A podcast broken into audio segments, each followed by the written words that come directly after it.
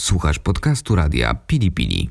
Więcej audycji znajdziesz w naszej darmowej aplikacji dostępnej w sklepach App Store i Google Play. Lisen, czyli lisie słuchowisko o życiu w kamperze. Cześć, tu Zosia. I Kuba. Jesteśmy Foxes in Eden, inaczej Lisy w Edenie. To jest audycja Lisen, czyli lisie słuchowisko o życiu w kamperze.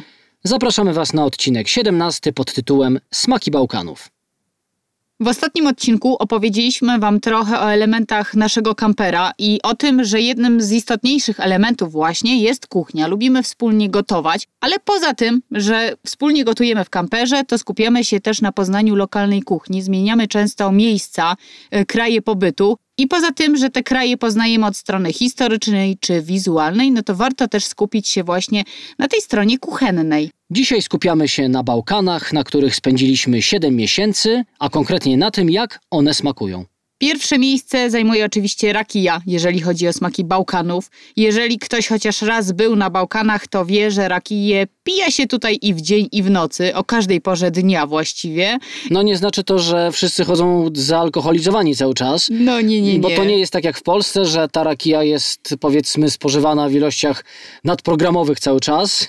Nie, to jest tylko i wyłącznie kosztowane, degustowane, pija się ją wolno, w odróżnieniu do tego, jak my na przykład postępujemy z polską wódką. No można też wódkę pić wolno, ale generalnie można ją pić wolno, ale w dużej ilości szotów na przykład. Znasz kogoś, kto pija wódkę wolno? Nie. A ja znam na przykład ludzi mieszkających na Bałkanach, którzy rakije pijają właśnie bardzo wolno. Jeżeli chodzi o te pory spożywania rakii, to na przykład jak byliśmy w Serbii nad y, rzeką Uwac, stacjonowaliśmy tam u takiego starszego pana, który miał na imię Dragan i pan Dragan dla zdrowotności codziennie rano częstował nas rakiją, nie dlatego, żebyśmy mieli bardzo wesoły początek dnia, tylko właśnie dlatego, żeby, tak jak to mówił, się rozgrzać, bo tam nie było wcale ciepło, no i żeby tak organizm się ruszył. Żeby uzdrowić nasz organizm. Nazywał to medicamente i mówił, że właśnie z rana to jest bardzo zdrowe dla organizmu. I właśnie tutaj ja myślę, że warto powiedzieć, że najlepsza rakija to jest ta, którą właśnie dostaniemy od gospodarza. Taka zrobiona, domowa, nie taka ze sklepików e, z pamiątkami. Nie, nie, nie. Najlepsza jest od gospodarza i co więcej, tak naprawdę każdy gospodarz szanujący się taką rakiję pędzi. To nie jest nic dziwnego, to nie jest jakaś taka sytuacja typu bimber, to jest po prostu ogólnie przyjęta taka kultura,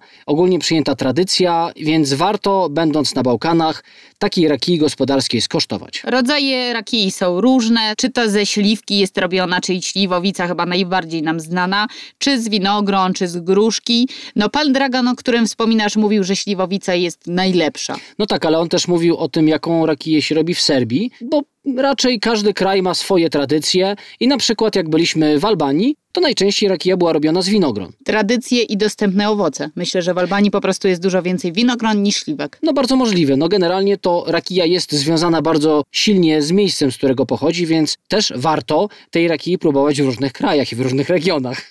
A rakija jest trochę mocniejsza od naszej polskiej wódki. Ona ma około 50-55%. Bywają i mocniejsze, jak y, w Polsce na przykład bimber. A ponieważ rakiję się próbuje, kosztuje, nie spożywa się jej na hejnał, to na przykład w Serbii czy w Macedonii są takie tradycyjne kieliszki do rakii i one wyglądają jak takie fiolki troszeczkę laboratoryjne. Są na dole większe, taką, taką bańkę mają, a na górze są zwężane, żeby brać małe łyki, a nie po prostu wypijać haustem wszystko.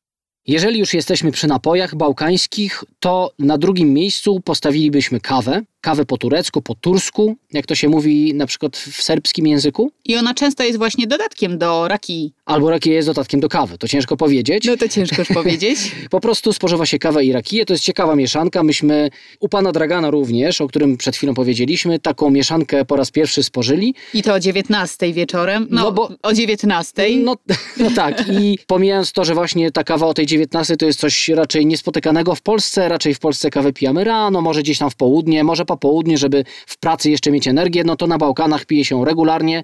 I właśnie jak takiej mieszanki rakii z kawą u pana Dragana spróbowaliśmy, no to mieliśmy takiego niezłego kopa energetycznego, więc tak sobie myślę, że gdyby ktoś tej energii potrzebował właśnie w pracy, to to polecam w sumie, chociaż nie wiem, czy to byłoby dozwolone w polskiej pracy. Ale oczywiście kawa to nie jest e, nieodłączny element rakii, czy rakija nieodłącznym e, elementem kawy No nie, nie jest. nie. Można pić kawę również po prostu, bez niczego, bez żadnego innego dodatku i też tak zaobserwowaliśmy, że e, kawiarnie na Bałkanach są przepełnione. Pamiętajcie o tym, że jak zamówicie kawę w jakimś takim bardziej lokalnym barze czy restauracji na Bałkanach, to dostaniecie zawsze czarną, mocną kawę bez dodatku mleka. Oczywiście z dodatkiem też cukru, ponieważ tutaj często pija się bardzo słodką tą kawę. A jeżeli chcecie właśnie kawę z mlekiem, to zawsze musicie dodatkowo o to poprosić. Nie proście na przykład o cappuccino, ponieważ ja ostatnio cappuccino poprosiłam, dostałam no coś na podobę takiej mm, kawy w saszetce trzy w jednym z toną bitej śmietany na górze. No z kawą to nie miało za dużo wspólnego. To jak już się napiliśmy, to przejdźmy do jedzenia. Byle nie upiliśmy. Upiliśmy się jeszcze nie. E, najbardziej znanym smakiem Bałkanów, jeżeli chodzi o śniadania, to jest chyba burek. Burek to jest takie ciastko wytrawne, słone, z kory, tak się nazywa to ciasto i ono jest trochę na podobę ciasta francuskiego, tak mi się najbardziej kojarzy. I ono jest najczęściej z dodatkiem albo sera, albo szpinaku, albo mięsa. I jeżeli chodzi o śniadania, to najczęściej taki burek spożywany jest z jogurtem. Albo z kiselo mleko, to jest zsiadłe mleko po prostu, tak na nasze polskie. Burki są dostępne właściwie chyba w każdej piekarni, którą spotkacie na swojej drodze, ale my polecamy burki zrobione w domu. Udało nam się taki burek zjeść i w Serbii, i w Albanii. No i to były chyba najlepsze burki, jakie jedliśmy w czasie pobytu na Bałkanach. A jaki ci najbardziej smakuje? Szpinak, ser czy mięso? No chyba jednak ten ser, jakoś z mięsem taki dla mnie ciężkawy się wydaje i taki tłusty. A ja muszę się przyznać, że przez długi czas wybierałam albo ser, albo mięso. Nie decydowałam się na szpinak, bo myślałam, że będzie mdławy, będzie trochę nijaki. I dopiero pod koniec y, wizyty na Bałkanach zdecydowałam się na szpinak i polecam szpinak spróbować dużo wcześniej niż zrobiłam to ja. Ale nawet jeżeli nie wybierzecie burka z mięsem, to i tak na pewno skosztujecie przeróżnych rodzajów mięsa, ponieważ Bałkany to właśnie mięsa. I nieważne, czy jesteście bardziej nad morzem, czy bardziej w głębi lądu, i tak kuchnia bałkańska opiera się na mięsie. To mięso jest w takiej formie rubasznej, bym powiedział nawet. Trochę tak. Najbardziej znana jest chyba plejskawica, czyli taki bałkański hamburger. To jest takie mielone mięso, mieszane mięso wraz z cebulą i przyprawami takie przyrządzone. I może być podane z bułką, ale może być po prostu podane na talerzu z warzywami. I ono się od hamburgera różni tym, czy takiego powiedzmy kotleta, który jest w hamburgerze, że jest takie bardziej zbite. I nie zdziwcie się, jeżeli będąc na Bałkanach nabierzecie ochoty na hamburgera, bo wam się znudzą te wszystkie bałkańskie potrawy, pójdziecie na hamburgera i tak naprawdę dostaniecie plejskawicę w bułce. Na amerykańskiego hamburgera. Tak, no będzie to niby takie amerykańskie, tak naprawdę to będzie taka plejskawica, czyli to mięso nie będzie takie rozpadające się, takie kruche, będzie jednak takim zbitym bardziej kotletem. Tak, ale jeszcze jeżeli chodzi o mięsa, no to też tutaj są różnego rodzaju gulasze. I to są takie właśnie siekane mięsa podawane z warzywami, e, gotowane, mm, przyrządzane w ceramicznych naczyniach. I tak jak mówiłem, że to mięso jest rubaszne, no to właśnie miałem na myśli te, te gulasze, te selsko meso, czyli takie duże kawały mięsa z dodatkiem jakiegoś sosu, dość tłuste to jest i dlatego właśnie, no można by powiedzieć takie ludyczne, takie bardziej właśnie wiejskie, tak mi kojarzy przynajmniej. Z wiejskimi smakami na Bałkanach kojarzą mi się sery. Białe sery, które leżakują w solankach. Są to dość właśnie słone sery przez tą solankę i one są zupełnie inne niż te, które znamy w Polsce. W ogóle nie przypominają twarogowych, takich jak u nas są na wsiach. Bardziej przypominają fetę, bo są takie właśnie wytrawne, takie dość ostre w smaku. I często te sery również są zapiekane. To już oczywiście mówimy o sytuacji takiej restauracyjnej, takiej jakby przygotowania bardziej tego sera, co też jest ciekawe i to jest bardzo smaczne i polecamy też spróbować. Są to sery owcze, kozie, krowie. Jeżeli kupujemy mm, na marketach, na bazarach, to często gospodarze, którzy sprzedają takie sery, dają nam na spróbowanie. Mają bardzo dużo rodzajów sera, więc zdają sobie sprawę, że my, turyści, nie wiemy zupełnie nic o tych serach, nie wiemy jak one smakują, więc chętnie nas nimi częstują, żebyśmy właśnie poznali, który jest dla nas najbardziej odpowiedni. ale też w normalnym sklepie, takim sieciowym supermarkecie, mamy dużo takich serów do wyboru. To nie jest tak, że tylko gospodarz ma ich na przykład 10, a w supermarkecie jest jakiś jeden rodzaj, tak jak w Polsce zwykle bywa, że to jest jakiś twaróg, twarogowy, słodki, słony może i tyle.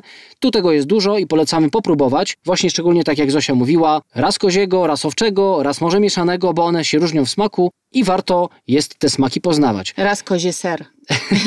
tak. A prócz takich serów powiedzmy białych, leżących w solance, całą oddzielną gamę stanowią sery żółte. No sery żółte są tutaj trochę podobne do parmezanu, ponieważ są trochę wytrawne, są ostre w smaku. Przede wszystkim są dojrzewające, to nie są takie sery jak w Polsce typu Gouda czy Królewski. Są twardsze, ostrzejsze w smaku i też często są zrobione z różnych mlek, mieszanych, ale czasami też tylko na przykład owczego czy koziego i to jest o tyle fajne, że na przykład w Polsce sery owcze i kozie są o wiele droższe, a tutaj na Bałkanach wcale nie jest to taka duża różnica w cenie. Jeżeli chodzi o smak takiego sera, ja bym ulokowała je po środku. To znaczy, z jednej strony dałabym sery nasze, polskie, które są najbardziej łagodne, e, po środku bałkańskie, a na samej górze dałabym sery francuskie, które dla mnie już są na przykład za bardzo wytrawne. Sery francuskie często są już w ogóle pleśniowe. Tutaj takich serów nie znaleźliśmy. Tutaj nie ma serów pleśniowych, przynajmniej nie są to sery rodzimej produkcji, ale rzeczywiście no, te bałkańskie są gdzieś tak po środku. Jak ktoś lubi trochę ostrzejsze smaki, ale nie jest takim y, ultra smakoszem francuskich, gnijących, śmierdzących serów, to tutaj na pewno coś dla siebie znajdzie. Na Bałkanach ważne też są dodatki i tak jak mówiliśmy o tym, że bardzo dużo spożywa się tutaj mięsa, to najlepszym dodatkiem do takiego mięsa jest ajwar. To jest taka pasta z papryki i bakłażana. Często ona jest e, pikantna, ale można dostać też taką pastę łagodną. Jeżeli chodzi o ajwar, to my naprawdę duży zapas dostaliśmy od e, gospodarzy, których poznaliśmy w Macedonii. No myślę, że jak będziemy przebywali sobie w Polsce teraz e, kilka miesięcy, to możemy spożywać ajwar o każdej porze dnia i nocy, tak jak oni robią to z rakiją. Jeżeli chodzi o rzeczy w słoikach, to na Bałkanach polecamy też zobaczyć takie przetwory nawet w sklepie, nie tylko na targu, bo oczywiście na targu znajdziemy najfajniejsze, najbardziej takie oryginalne przetwory od gospodarzy. Natomiast takie sklepowe, firmowe powiedzmy, one wcale nie są złe, bo jak przeczytacie sobie składy na tych słoikach, to się okaże, że są bardzo proste, bardzo krótkie, na przykład papryka, ser i oliwa. I tyle. Nadziewane, nadzie, na, tak, tak, nadziewana papryka serem. Warto w takim sklepie się rozejrzeć za takimi przetworami, bo możemy dostać naprawdę dobre rzeczy w dobrych cenach od ręki. A no właśnie, nadziewane papryki to też jest e, coś, co na Bałkanach wszędzie znajdziemy. A jeszcze mi się przypomniało, jak powiedziałeś o słoikach, że spróbowaliśmy będąc na Bałkanach, a dokładnie już w Macedonii, ale wiem, że w Albanii też się to spożywa, coś takiego, co się nazywało makalo. I to była taka pasta z czosnku mm, z dodatkiem oleju, oliwy, i cytryny, cytryny tak. I to było naprawdę bardzo dobre. Myślę, że też bardzo zdrowe ze względu na to, że to jednak e, w 99% było stworzone z czosnku. I bardzo wpływa na oddech człowieka, który to spożyje, ale rzeczywiście na chleb jest bardzo dobrym dodatkiem, bardzo smacznym, właściwie nawet nie dodatkiem, bo to chleb z takim y, makalo bardzo przyjemnie smakuje i polecamy to również sobie spożywać. Jeżeli na Bałkany się nie wybieracie, to znajdźcie sobie w internecie przepis na takie makalo i sobie sporządźcie. Myślę, że Wam się spodoba, posmakuje i będziecie regularnie je robić. A na deser w tym odcinku mamy deser bałkański, który pojawia się chyba wszędzie i być może go znacie, nazywa się baklawa. Baklawa to jest e, ciasto. Też mi się trochę kojarzy z ciastem francuskim, ale tutaj to ciasto nazywa się filo, ewentualnie ciasto, które jest korą, czyli nazywa się to kora. I to jest ciasto, które jest przeplatane orzechami siekanymi i miodem. To jest bardzo, bardzo słodki deser. W takiej zalewie, chyba nawet cukrowej bywa. I rzeczywiście, no tutaj można się zasłodzić. Raczej wielkich kawałów tego ciasta nie zjemy. To jest takie raczej na małe kęsy? No, to już zależy od y, spustu danego człowieka. Ja pamiętam, że tobie nawet się zdarzało zjeść więcej niż przeciętnie byś powiedział, że komuś się może udać zjeść. No wiesz, bo ja mam na desery drugi żołądek. Myślę, że dużo osób taki żołądek posiada i tutaj kultywuje ten żołądek. Baklawa bywa także z dodatkami. To nie jest tak, że ona jest tylko i wyłącznie purystycznie traktowana y, i jest zawsze z orzechami. Bywa także z dodatkiem wiśni na przykład, bywa także z dodatkiem różnych innych owoców. Najlepsza baklawa, jaką nam się udało zjeść, to była baklawa w Czarnogórze. To była autorska baklawa w jednej z restauracji, w której byliśmy i ona była z granatem. No tak, bo w Czarnogórze granat rośnie w dużej ilości i z tego granatu w rejonie baru, takiej miejscowości bar czy stary bar, bar, y, z tego granatu robi się i piwo, czy dodaje się go do piwa i robi się właśnie desery. No i nie tylko, różne rozmaite inne potrawy, także będąc w Czarnogórze polecamy takie baklawy z granatem spróbować. Oczywiście Bałkany to jest bardzo duży obszar, więc poruszając się po nich, te potrawy będą się od siebie trochę różnić. Im bliżej będziemy Grecji, tym będzie więcej fety, będzie więcej oliwek, im bliżej będziemy wybrzeża. Pojawią się oczywiście ryby czy owoce morza. W rejonach górskich z kolei będzie więcej mięsa owczego czy koziego. Także warto jest, mimo że poznamy na przykład w jakimś rejonie daną potrawę, spróbować jej gdzie indziej także. Czyli zapakujcie się do kampera i poświęćcie co najmniej kilka miesięcy na zjeżdżenie Bałkanów, e, chociażby po to, żeby właśnie te lokalne, regionalne smaki poznać. A właśnie a propos kampera, to też polecamy i też to staramy się robić, kupować miejscowe produkty takie podstawowe i samemu spróbować takie miejscowe potrawy sporządzić z tych produktów, bo to jest wielka frajda i też dużo się możemy nauczyć wtedy. Jeżeli chodzi o kupowanie lokalnych produktów, to my staramy się zawsze pytać lokalsów, gdzie oni robią zakupy. No staramy się w takich turystycznych miejscach nie robić zakupów. A jeżeli chodzi o restauracje, to także obserwujcie lokalsów i chodźcie tam, gdzie chodzą lokalsi, bo w tych knajpach znajdziecie najlepsze miejscowe potrawy. To tyle na dzisiaj. Mam nadzieję, że zdążyliście zgłodnieć. Ja na pewno tak, więc zaraz Kubę do kuchni zaciągnę. A może do sypialni? na razie myślę, że do kuchni, a potem to już się zobaczy. Dzięki, że z nami byliście. Do usłyszenia przy kolejnej audycji. Dzięki. Cześć, cześć. Cześć. Wysłuchaliście podcastu radia Pili Pili. Więcej audycji znajdziecie w naszej darmowej aplikacji dostępnej w sklepach App Store i Google Play. Do usłyszenia w radiu Pili Pili.